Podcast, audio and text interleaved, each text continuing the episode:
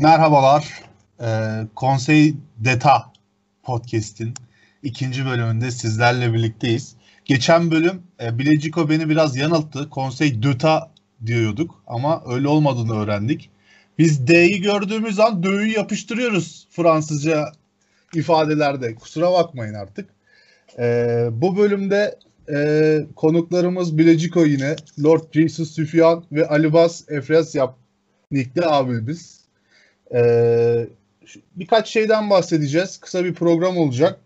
Ee, bildiğiniz üzere ligin e, dörtte birlik kısmını geride bıraktık. Biraz lig şekillenmiş durumda.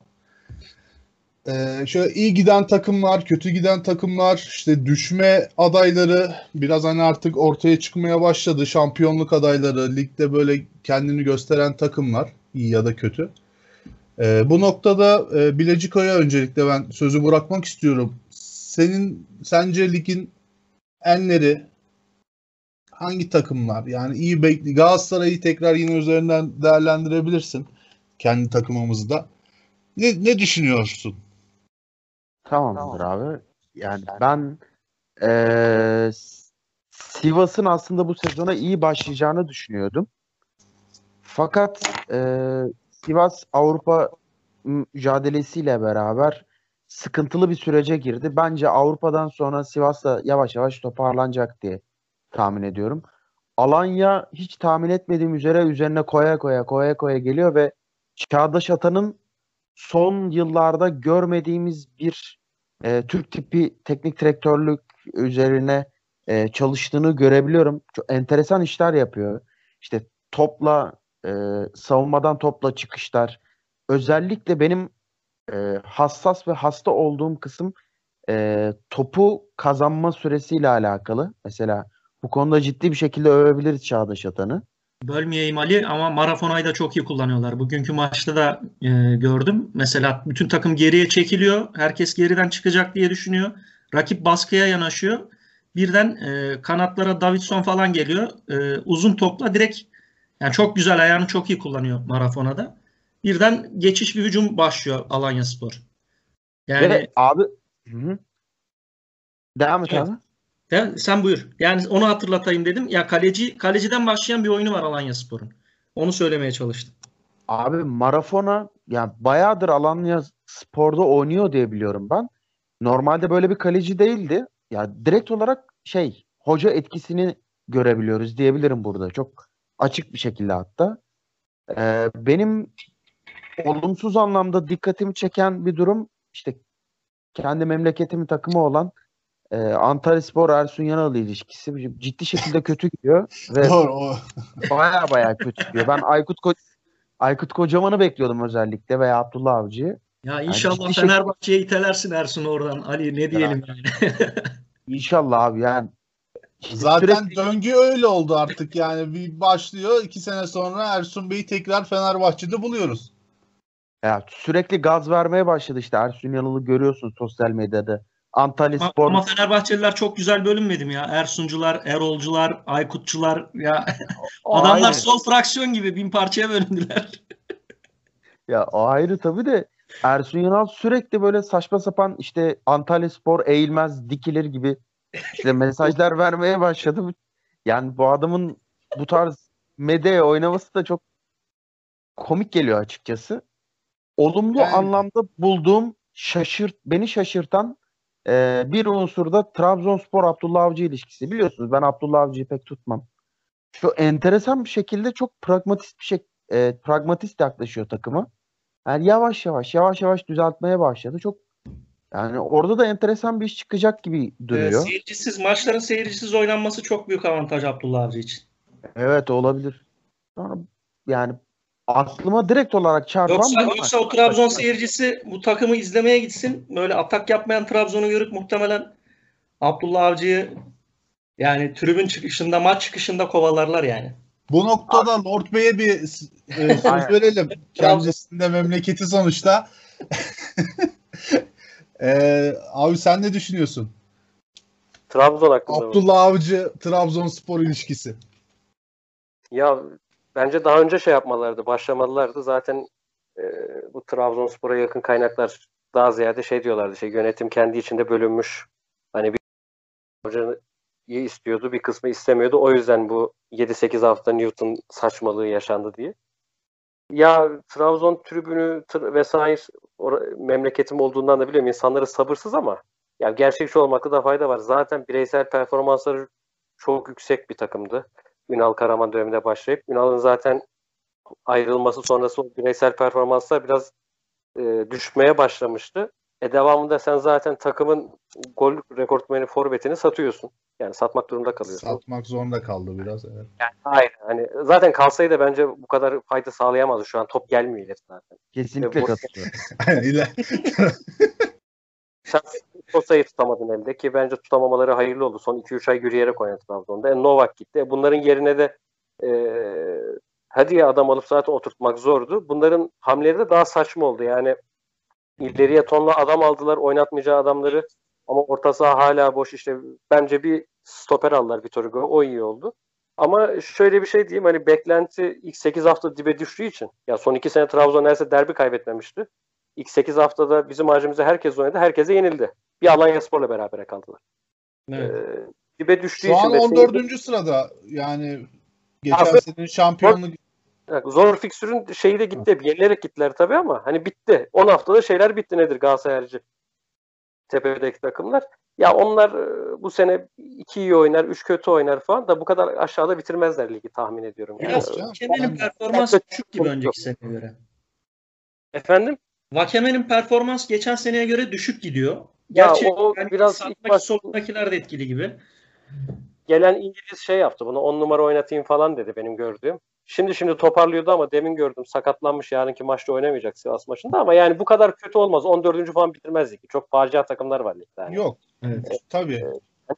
Hiç görmediğim kadar bu 21 takım olmasıyla da alakalı herhalde ama hiç hatırlamadığım kadar son 20 sene öncesini söylüyorum. 2000 öncesi biraz daha kötü takım sayısı fazlaydı. Yani leş takım var ligde. Lord Hani- hatır- yani şimdi hatırlar mısın diye söylemem çok saçma olacak ama 70-80 arasındaki 1970-80 arasında böyle karanlık bir dönem var ya ligde. Ee, Abi sanki orada kötü takımlardan biriyiz işte. Orada ne? o o dönem takımları gibi değil mi şu anki şeyler böyle? Hani bazı takımlar var, "Aa bu da mı ligdeymiş?" falan diyorsun yani. Hani ben bakıyorum böyle arada Ankara Gücü'nü görüyorum ligde. Lan diyorum bunlar ligden düşmedi mi? Oynuyorlar mı falan?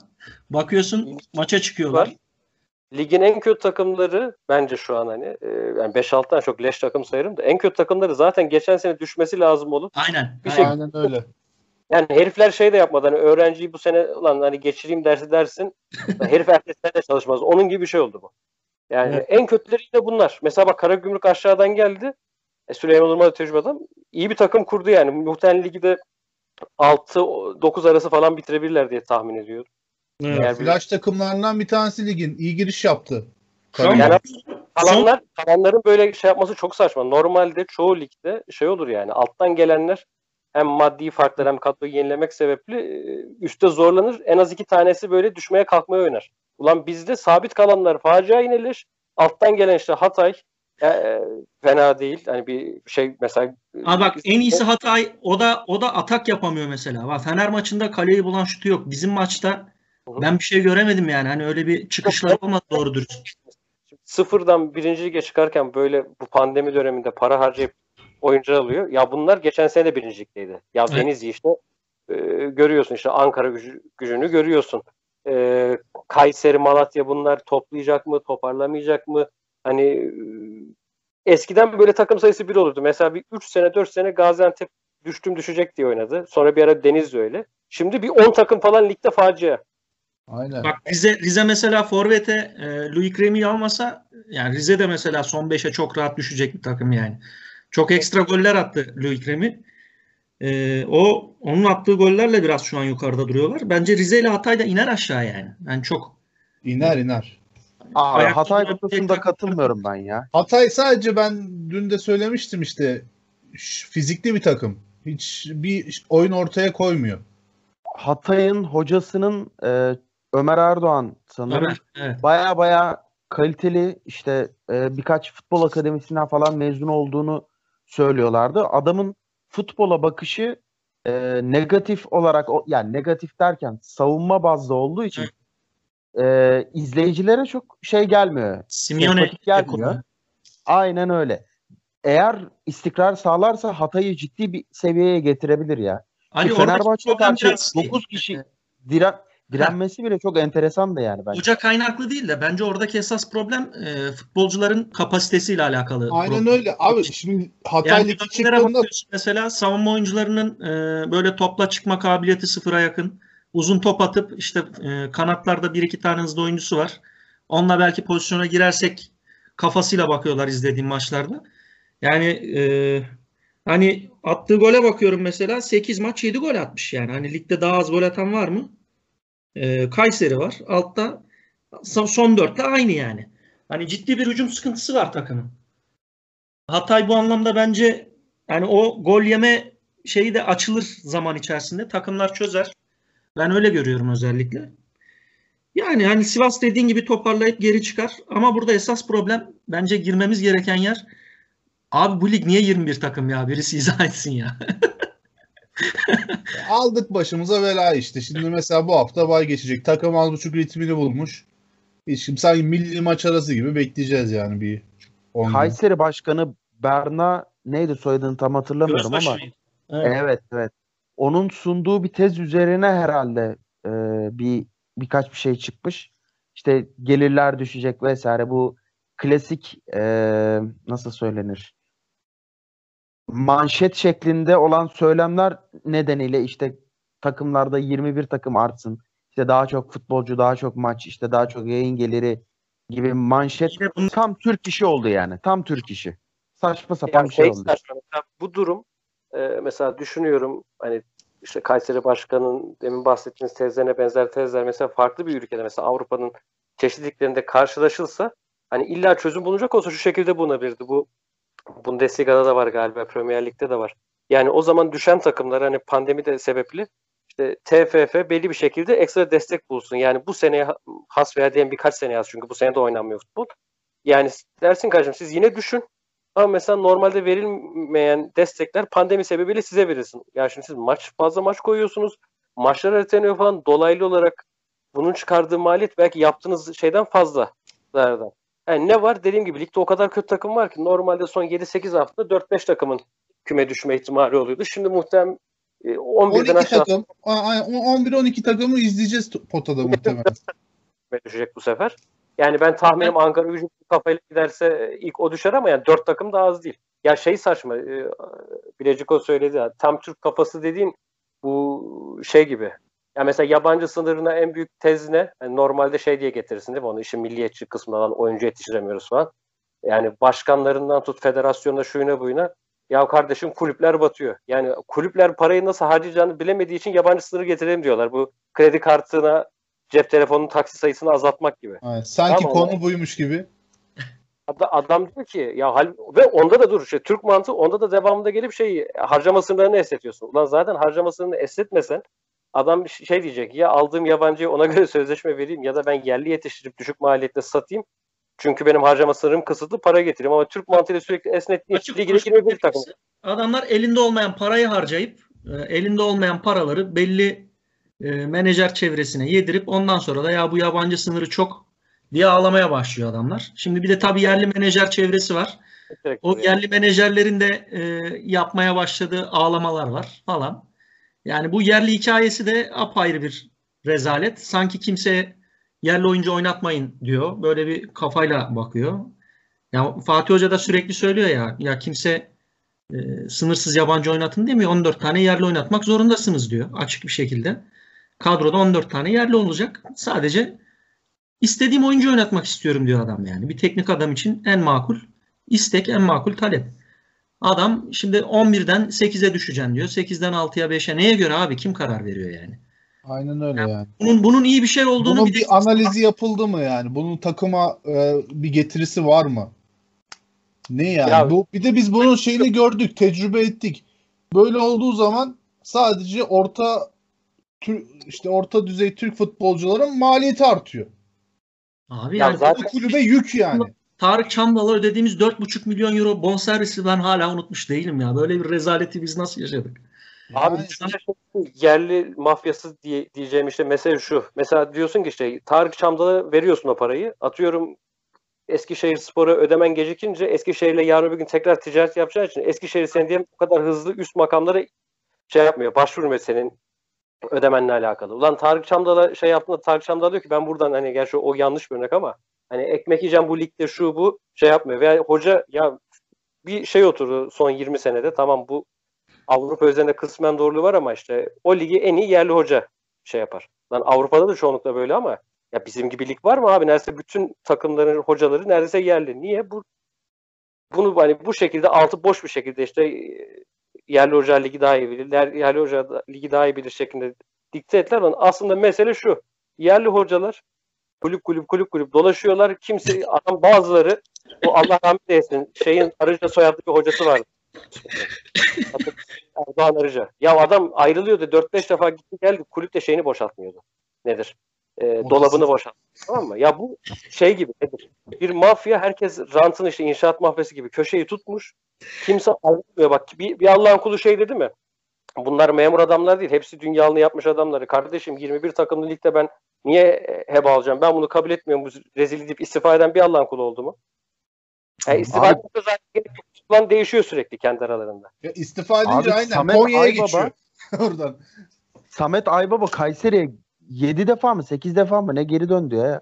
Böyle Ya. bir saçmalık Ya, olabilir mi ya? Gençler Birliği Mustafa Kaplan ilişkisini mesela. Gençler Birliği Mustafa Kaplan. Arat. Google'da arat. Sürekli çıkar işte her sene. Ya bir de mesela e, bu seneki problemlerden birisi de şu oldu. Bu sene başındaki yabancı sınırı gelecek goy goyu. Ne yaptı abi? Mert Hakan'a Fener ne kadar bayıldı? 2 milyon euronun üstünde maaş ver- veriyor herhalde şu anda imza Abi toplam toplam maliyeti 22 milyon TL. 10 milyon TL maaş, 12 milyon TL de imza parası. O kesin. Yani ba- bayağı bir bayağı bir bayıldı yani. Aynen. Şimdi biz Aynen de öyle. biz de iyi kötü Emre Kılınç'a verdik iyi bir para. Hani e, ister istemez belli bir kalitenin üzerindeki futbolcuyu gördüğün anda artık yabancı sınırı muhabbeti geldiği anda e, mevzu düşüyor. Sen şimdi bu potansiyeldeki oyunculara ki atılım yapması lazım. 1,5-2 milyon euro arası maaş vermeye başlıyorsun. Sen ya bu oyuncular bu parayı e, Avrupa'ya gitme ihtimali doğduğunda alabilmeli. Yani ne bileyim yurt dışı transferi e, söz konusu teklif geliyor. Sen bu adamı takımda kulüpte tutabilmek için ya ben senin maaşını arttırayım takımda kal dersin. E, ne bileyim 750-800 alan 900 alan adamı 1.5'a taşırsın mesela. Atıyorum Galatasaray'daki Tayland. Şu an 200-250 bin euroya ya oynuyordur ya oynamıyordur. Yani bu çocuğu senin seneye tutabilmen için 1 milyon civarına getirmen gerekir. bahsettiğin şey düzenin devam etmesini sağlamıyor ki ama. Ya bak şöyle ben şi- bak şimdi ben e, düzenin devam etmesine aykırı bir şey. O yüzden işlerine gelmiyor ki adamın. Ya işte ben diyorum yani. Ben normal olması gerekenden bahsediyorum şu anda. Phoenix kulübün yöneticisiyim. Bu büyük takım da olabilir. Galatasaray da olabilir. Evet. Diyorlar ki abi sen holding sahibisin. Bize kasa kolaylığı abilik yap. Ben de işte yönetici olarak kendi PR'ımı yapıyorum. Ee, atıyorum kulüpte nakit sıkıntısı varken çıkarıyorum cebimden abi. Az da para değil tabii. Diyelim 750 bin dolar, 800 bin dolar, işte 1 milyon euro çıkarıyorum. E, ne oluyor kardeşim sonra? Bu ilk ilk başı göze şey yapmıyor. İşte büyük başkan cebinden maaşları ödedi şu bu. Sonra mesela atıyorum işte Bir de bunu övmeleri var değil mi? Ya işte e, kutsamalar Yok ayrı bir şey. işte işte diyelim bu Fernando, Carchurt hani ismi Souza, Moza herhangi bir isim. Lan diyoruz bu adam iyi topçu da yani iki buçuk milyon euroluk adam değil. E çünkü işte senin başkanın o parayı çıkaracak bir şekilde. Şimdi bonservis olarak ben bu oyuncuyu Avrupa'ya sattım da o parayı katakuliyle geri çıkarabilmem daha zor. Maaşını eden adamı iki buçuk yazıyorsun kardeşim. Zaten benim bir alacağım vardı. Üzerine de 500 koyuyorum faiz gibi. Sonra Anladım. Fikret Orman paralar nerede diye tribünde bağırmaya başlıyorsun. Ya asıl çünkü şey hani ya şunu anlamıyor millet. Hani ulan diyorlar ya ya Avrupalı topçunun cebini dolduruyoruz diyorlar ya. Ya yabancı topçunun cebi dolmuyor ki. O şişik ş- sözleşmelerin çoğu zaten siz kulübe borç veren yöneticinin cebini dolduruyorsun. Hı. Ya, ya işte en başa şeye geleceğim. O kadar saçma bir düzen ki hani adam bak şuna katılıyorum. Evet kulüplerin şeylerinde yabancı dosyaları bu ce- cezalarda, borçlarda çok büyük. Abi işte ona göre hiç esnemeyecek bir şey getireceksin. Harcama limiti ve sorumluluk şeye gelecek ama hiç esnemeyecek. Abi sen getiriyorsun, getirdiğin gibi esnetiyorsun. Esnetme değil. Şu an ortada limitle ilgili herhangi bir muhabbet dönüyor mu? Kalmadı yani. Hiçbir şey kalmadı. alakası yok. Yoksa dediğin gibi mesela düşün hiç esnemeyen bir limit getirdin. Galatasaray biliyor ki kardeşim şunu şu kadar şey yaparsam net ceza yiyeceğim. Uzun vadede bakıyor ki borçlar belli. o zaman zaten şeye girer. Hani mesele yerli olup olmaması değil. Altyapı demek ne demek? Minimum maliyetli oyuncu yetiştirmen demek. Mesela Ozan Kabak gibi. Der ki ben minimum maliyetli 10 adama yatırım yaparım. Belki ligde belli bir süre başarılı olmam ama 2-3'ünü satarak dünya para elde ederim. Ya zarar sen etmezsin. Yani ligde batmazsın. Ya sen bunu getirmiyorsun sonra diyorsun ki yabancı sınırı getirelim. Yani esprisi ne işte? Ee, yani Aykut Kocaman'a, Ersun'a, Hamza'ya şey vermiyorsun. Tazminat. Yani isterseler alır ayı da vermiyorsun. Ama işte Koko'ya, Vitor Pereira'ya veriyorsun. Evet. Yani yoksa abi yani e, Ali Baz'ın yaşı biz yaşıtız hani o da şey yapar abi 90'larda çok şey vardı yabancı hoca. Ha tabii 90'larda yerli hocalar Evet. imkanlar manasında şey internetidir şudur budur. Yalan yok. Bugünkü hocalardan daha az imkanları vardı. Daha da vasatlardı. Hani çoğu antrenör gibiydi. Hani bugünküler en azından kısmen Avantajları da vardı. Yanlış yaptıkları zaman bu kadar yerin dibine gömülmüyorlardı yani. Yalayabiliyorlar şimdikiler ama şey de var ya abi yani belki o dönem 90'larda da şu hocalara tazminat mazminat denen şey Avrupa'da da çok fazla oturmuş. Bunu mesela da- şeyi düşünsene. 96'da internet var. 96-97'de Fatih Terim Fenerbahçe'ye kaybetti. Ee, şeyde ilk maç içeride. Ee, maçlar kötü gidiyor. Bayağı rezil olmuşuz hatırlarsın o maçları. Fatih Terim devam edebilir mi? Ya şöyle devam şöyle edebilirdi abi. Ee, ilk 4-5 hafta harbiden faciaydı. Ee, ama orada Fatih Terim iki tane şey kazanmıştı. Nedir? Ee, kredi bir. Her ne kadar ikinci maç yani totalde turda Hayrettin yüzünden elensek de bir Paris Saint Germain'i bir iyi bir Evet. yendiği bir maç var. Hani bu Kasım Aralık'ta yalnız o. Daha sonra. Bizim Fener maçları daha önceydi. Yok daha önce ama işte Fener maçından sonra biz arada beraberliğimiz var ama şimdi o sene yanlış hatırlanıyor. Bizim böyle direkten döndüğümüz sene 97-98 biz o, o sezon Evet. 96-97'de iki yenilgi aldık. İkisi de Fener'e. Geri kalan da full kazandık aslında. Hacı'nin Hacı'nin leş attığı sene. Sakal bıraktığı, babasını kaybettiği sene. 97-98'de şeydi böyle lige çok müthiş e, bir yaz kampıyla başlamıştık. Sonra hani bu takım böyle vura vura şampiyon olacak derken takım şey oldu. Nedir? İlk yarıyı 8-9 puan geride kaybetmiştik. Hani 39 Fener'di. Lord 30 bizdik. 9 puan geriden şampiyon olduk biz. şey, sene. e, 9 şeye- fark var. imkanlarda dediğin gibi yıpranma payı daha yüksek ama hani hocalara geleceğim. Ee, ya o dönemler ya mesela atıyorum abi işte e, Daum şeydi Evet. Bundesliga şampiyonluğu mu? İkinciliği mi ne yaşamıştı geldi. Daum'dan önce Fener'de Holger Osijek vardı. Alman milli takımın yardımcı hocasıydı. Ee, Samsun'u yıllarca hocanı yapan bir Rumen bir hoca vardı. Multescu iyi bir hocaydı. Sık Skala'ya getirdi. UEFA finali oynamıştı Parma'yla. Erkan hem bize geldi hem Beşiktaş'a geldi. Yani gelen adamlar da şey değil. Hani tabii o dönemde Avrupa futbolu yeni yeni profesyonelleşiyor ayrı ama hani şey getirmiyoruz ne derler. İşte Parma'nın e, yardımcı antrenörünü, efendim işte Bundesliga Edin 2 Newton getirmiyorsun yani. Edin Newton. Newton getirmiyorsun tamam mı? Hani getir Igor. Trabzonlu olmuş eş durumundan. ya bak ben daha temizim. O uzağa gitmeye gerek yok. Erik Geres getiriyorsun. Evet, evet. Çok güzel evet. Ya da tecrübesiz getirdiğin adam, yani tırnak içinde tecrübesi düşük adam Zico oluyor abi. Yani takımın komple Brezilyalı. Adamlar Brezilyalılar gözünde bir hani futbol ikonu bir adamı getiriyorsun. Yani dışarıda Türklerin olduğu bir takıma atıyorum da Sergen Yalçın'ı getirmek gibi bir şey. Sen, sen Zico'yu getiriyorsun. Şimdi kim geliyor abi? Hani yine Fener'in son dönem yabancı hocaları kokuda iyi patladılar ayrı ama Abi hani işte Eddie Newton geliyor veya kimse yabancıya şey yapmıyor. Çok saçma şekilde diyor ki bu ligi yerli anlar gibi saçma şeyler var. Ama bu bence dediğim gibi Ali Baz'ın söylediği şeye bir farklı versiyonu. Bu menajer ve yönetici bir mafyasının hoca mafyası. Zımnen bir anlaşma var kulüplerle. Kardeş Kesinlikle öyle. istemiyoruz. Siz de bizi kendi aranızda çeviriyorsunuz. Bak tam manasıyla bu. Araya çok adam girmiyor da. Ama Evet. abi bak bu da neye yol açıyor aslında? İyi bir Anadolu takımı şey de oluşmuyor böylece. Hani aday bir takım yok. Üç büyüklerden başka. Ya aslında var yani. Oturmuş bir takım da çıkmıyor böylece yani. Şöyle istikrar, istikrar alt e, Anadolu takımları için çok önemli bir şey abi. Mesela Alanya'da bir en azından scout istikrarı görebiliyorum. Aldıkları oyuncuların ekserisi tutuyor. Yani e, belli niteliklere sahip oyuncular alıyorlar ve belli bir oyun düzeni tutturdular. Hani biraz belki Erol'dan farklı oynatıyor Çağdaş Hoca. Demin konuştuk. Ama aldıkları oyuncular e, bakıyorsun ciddi şekilde randıman veriyor yani. E, baktınız mı Evet. bilmiyorum. Davidson Barreiro var mesela çok enteresan bir oyuncu. Hiç beklemiyordum böyle iyi bir oyuncu. İzledim. Abi ben- uzun süreli bir istikrardan bahsediyor. Hani bir sene iki sene değil. Hani sabit- anlıyorum. Aynen aynen aynen. Lige, lige çıktığından bu yana Alanya o istikrarı tutturabilen bir takım. Gördüğüm kadarıyla. Uzun vadede Ben ciddi şekilde Alanya'nın oturmuş bir takım olacağını düşünüyorum. Bu şekilde giderlerse. Başakşehir'i zaten konuşmaya gerek yok. Şampiyon oldu adamlar. Hani e, biz küçümsüyoruz belki çok şey yapmıyoruz da Başakşehir İstanbul Büyükşehir Belediyespor'un e, devamı bir takım yani. Alt- Sen söyle. Sen sence hangi takım şampiyonluk adayı? Ya sıradan Objektif baş... yorum bekliyoruz. Objektif. Tamam sıradan başlayayım. Beşiktaş'ın olabileceğini düşünmüyorum yani. İhtimal vermiyorum Evet, Beşiktaş'ın. objektif alalım şimdi tekrar.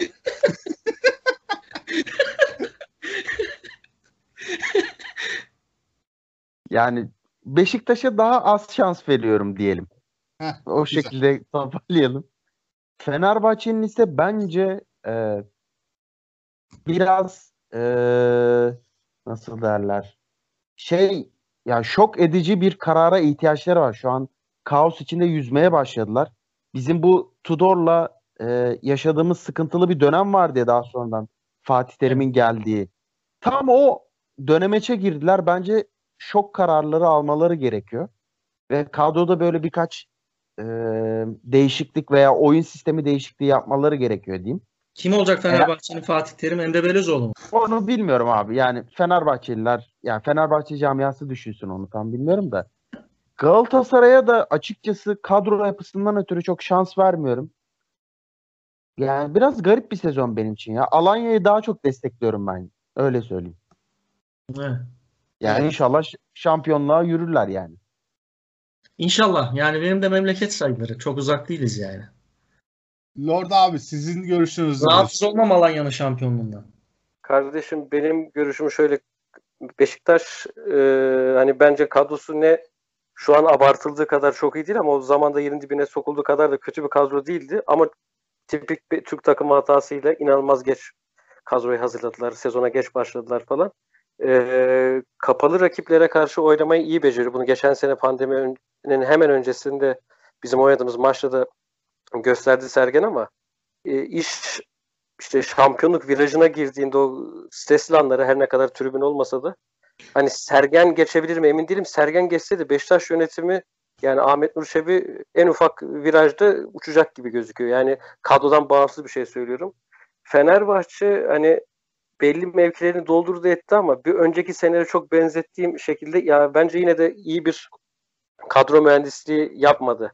Yani iki tane farklı kulübe Fener'in aldığı oyuncuları ayrı ayrı dağıtsak belki iki, iki, iki tane uyumlu kadro çıkarabiliriz. Ama bence hani fazla gereksiz derin. Yani mesela atıyorum Caner'i alıyorsan oraya oraya 30 yaşındaki Novak'ı alarak sen Novak'ın maç ritminde yok ederek Novak'tan alacağın şeyi minimuma indiriyorsun ve dünya maaş veriyorsun. Veya zaten Gustavo'nun olduğu yere Sosa alıyorsun e, ve takımın mobilliğini azaltıyorsun. Bunu Mert Hakan'la azaltmaya çalışır ama şöyle düşün. Ligin bu gol beklentisinde ilk 3 sırasında var Fenerbahçe ama akan oyunda galiba 10. ya da 11. olması lazım gol beklentisi. Hani facia. Hani duran top ağacı top taşıyamıyorlar neredeyse. Bizde biz bunu hani grupta da konuşuyorduk. Yani tutar tutmaz bir sürü eksiği noksanı var kabul ediyorum ama makul bir düzen oluşurdu hoca. Ee, yetersiz oyuncular oynadığı vakitte bile beklerin bol bol çizgiye indiği ve hani ekstra oyuncu olarak e, rakip 18'e girdiği bir oyun tarzı var. E, Taylan üzerinden ve Forvet'in mobilliği üzerinden bir şekilde zaten Galatasaray yetenekli bir takım. E, işte, işte oynayan oyuncuların topla ve oyun zekasıyla araları iyi. Hani e, Belhanda'nın, Feguli'nin, Emre Kılınç'ın. Biz de şunu diyebilirim hani e, fantastik sakatlıklar e, olmazsa, hoca çok büyük saçmalama inatlarına geri dönmezse devre arasında belki çok abartı gereksiz olmayan bir iki hamleyle biz e, son ana kadar götürürüz. Niye çok ciddi net bir şey söyleyemiyorum. Geçen sene de böyle diyorduk. Pandemi çok maçların dinamiklerini değiştirdi. Ama son ana kadar götürürüz diye düşünüyorum. Arada şey yapsak da. Ya öyle çok 2-3 aylık bir kopuş olmazsa ben de seninle aynı fikirdeyim. Yani sanki böyle götürürüz gibi. Evet. Fenerbahçe hususunda dediğim gibi bence kadro mühendislikleri kötü.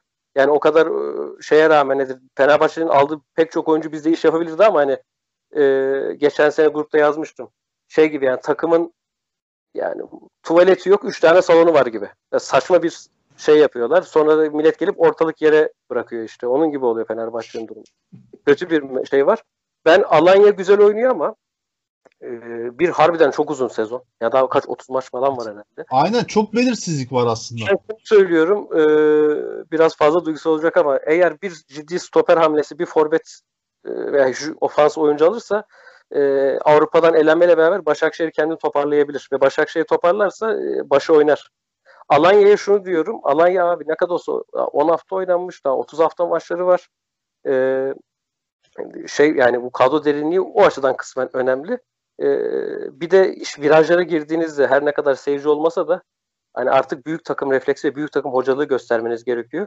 Evet. O zaman Çağdaş'tan bahsetti galiba. Bilecikon bahsetmiş program başında hatırlamıyorum. Evet abi. Katılıyorum. Artısı var ama belki çok klişe olacak abi. Ee, şeyler nasıl diyeyim ön eleme gibi Anadolu takımları. Hakikaten bir hocanın e, vaat ettiklerini bir de büyük takım değil de büyük takım gibi oynayan şeyde görmek lazım. Yoksa bak ben 2-3 sene canlı canlı da çok izledim Başakşehir'i. Harbiden yani sahayı artık oturtmuşlardı ezberlerini. İzlerken şey gibi his- hissediyordum. Hani futbol menajer oynuyorum böyle 2D, 3D takımın ne yapacağını ezbere biliyorum artık sürekli oynattığım taktikte. Ama işte büyük takıma gelince ne oluyor abi? Medya ile ilişkiler, oyuncu ilişkileri, Evet. yöneticiyle ilişkiler oldukça büyük bunlar şeyler, challenge'lar. Yani Alanya Spor'da yaşadığın challenge belli. Ee, Sergen de derece şey yaptı. Mesela Erol da e, aslında potansiyel iş yaptı. Yani son maç e, yenebilseydi Trabzon'u Türkiye Kupası'nı alacaktı. Hani çok olmuş bir şey değil. O yüzden hani umut vaat ediyor ama e, hani konuşmak için biraz erken topu size atmadan önce şeyi söyleyeyim bu ki ben Fatih Terim bayağı eleştiririm hani takip eden de bilir şey yapar. Hani Fatih Terim olma meselesi şu, şunu atlıyorlar. Fatih Terim Galatasaray camiası uğursuz diye bilinen bir adamdı ama Fatih Terim Galatasaray'a şey gelmedi. Hani futbolu bıraktı iki sene takıldı. Gel abi yardımcı antrenör ol demedi. Ya bu adam Ümit Milli takımlarda çok başarılı oldu. İşte Ankara gücü. şampiyonu yaptı. Hani bak Anadolu tecrübesini oldu, Evet. Abi Avrupa Şampiyonası 5. torbadan mı ne girdik biz ya? O dönem tarihin ilk şeydi yani en düşük torbadan girdik. Bizim altımızda Muşamba vardı yani tamam mı? Hani oradan girdik şeye. Yani Adam diyor yapacağız? Şunu anlamıyorlar. Hani Galatasaray Fatih Terim 96 alırken şey diye almadı. Ulan alalım işte bu da bizim eski topçu diye almadı. Yani mesela Galatasaray'ın 2008'de Bülent Korkmaz'ı aldığı gibi almadı. Şey dedi ulan herif e, biz taç atarken seviniyorduk iki sene önce. Adam Türk milli takımını Tabii, Orta tabii. Diye. Ya bak şöyle düşün.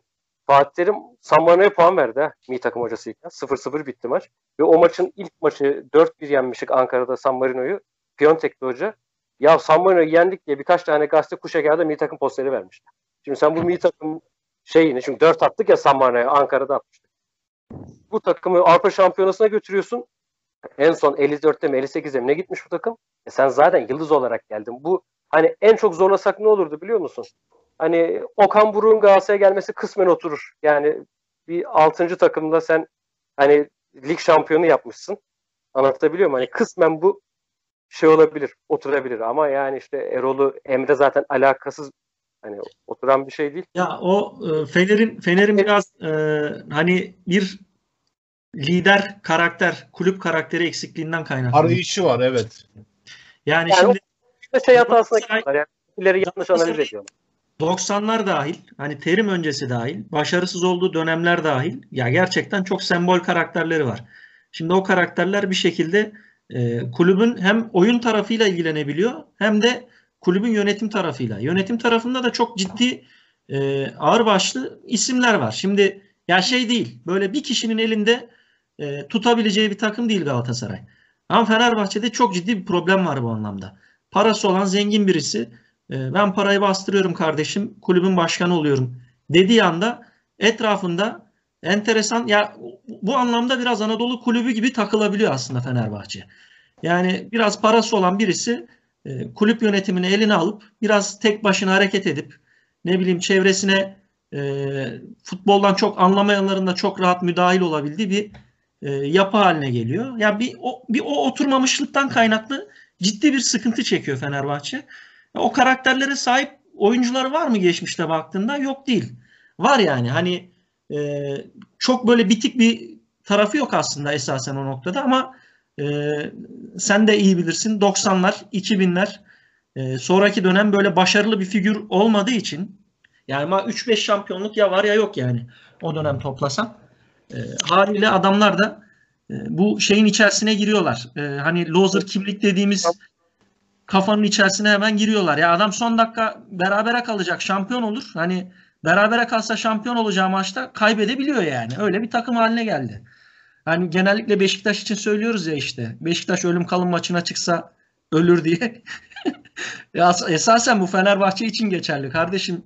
Yani son dakikada iki tane şampiyonluk verir bir takım yani. Yani bir değil iki Abi Ali Baz abi ligde şampiyon hangi takımları şampiyon olarak görüyorsun? Onu söyleyip bitirelim. tamam ben ben kapatayım o zaman. Hani ben Fenerbahçe'nin şu haliyle şu oyunda şampiyon olabileceğini kesinlikle düşünmüyorum. Ee, hatta Beşiktaş'ın Fenerbahçe'nin üzerinde bitirebileceğini düşünüyorum şu haliyle. Çünkü Fenerbahçe'nin gerçekten Lord'un da söylediği gibi duran top haricinde oyun içerisinde hiçbir aksiyonu yok yani. Hiçbir şey görmüyorum. Caner orta, Gökhan orta. Hani içeride kim varsa bir şekilde onlarla... Ama sonuç alınıyor şimdiye kadar. Ya bu bu tamamen ligin içinde bulunduğu e, seviyeden ötürü. Mesela geçen sene Fenerbahçe bu oyunla devam ediyor olsaydı e, yine geçen seneki pozisyonunda devam ederdi. E, çok böyle ya şu anki Fenerbahçe'nin oyunu ilk beşlik oyun yani. Hani ilk ikilik oyun değil. İlk beşlik oyunu sergiliyor öyle söyleyeyim. Onun haricinde e, ben Fenerbahçe'de Lord'un dediği gibi ciddi bir kadro planlaması sıkıntısı görüyorum.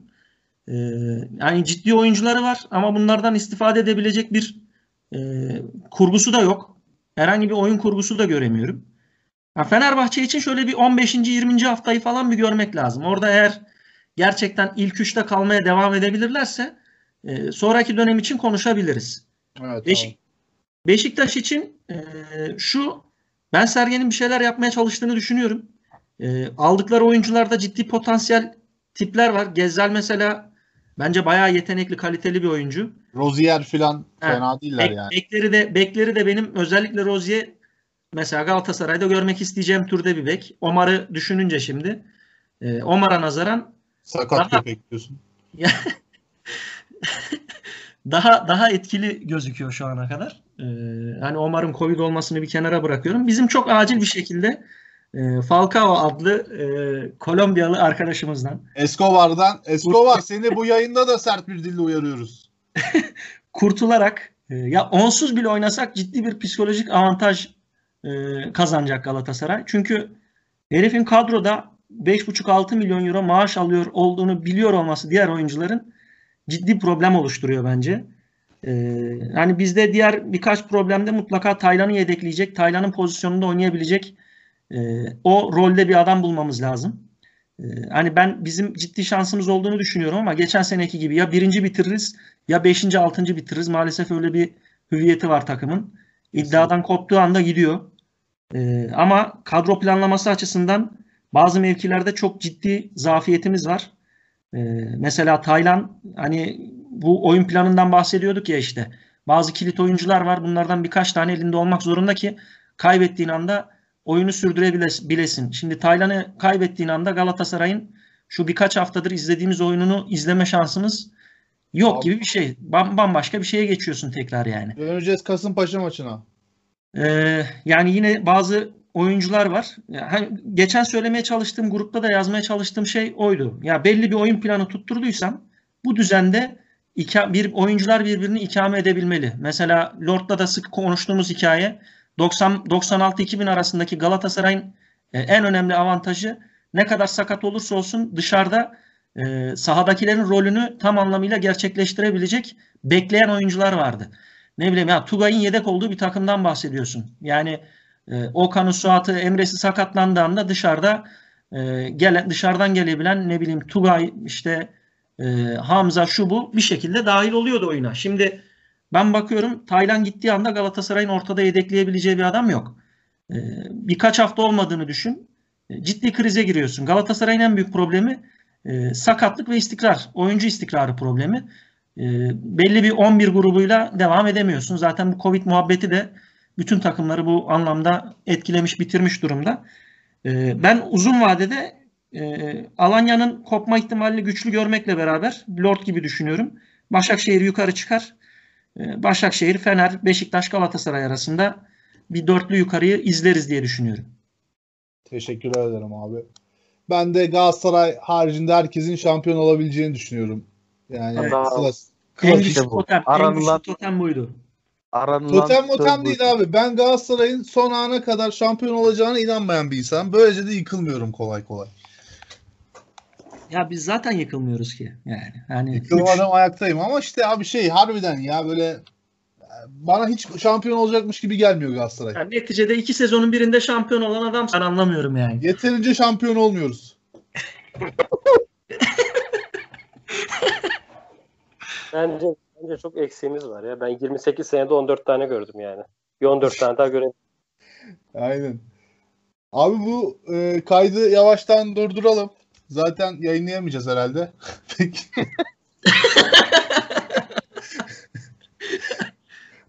Herkese hayırlı akşamlar dileriz. Bizi dinlediğiniz için teşekkür ederiz. Buradan ben Bileciko, Lord Jesus Süfyan ve Ali Vaz Efrezyev'a teşekkürlerimi sunuyorum. Ee, takip eden bölümlerde görüşeceğiz inşallah. Hayırlı akşamlar.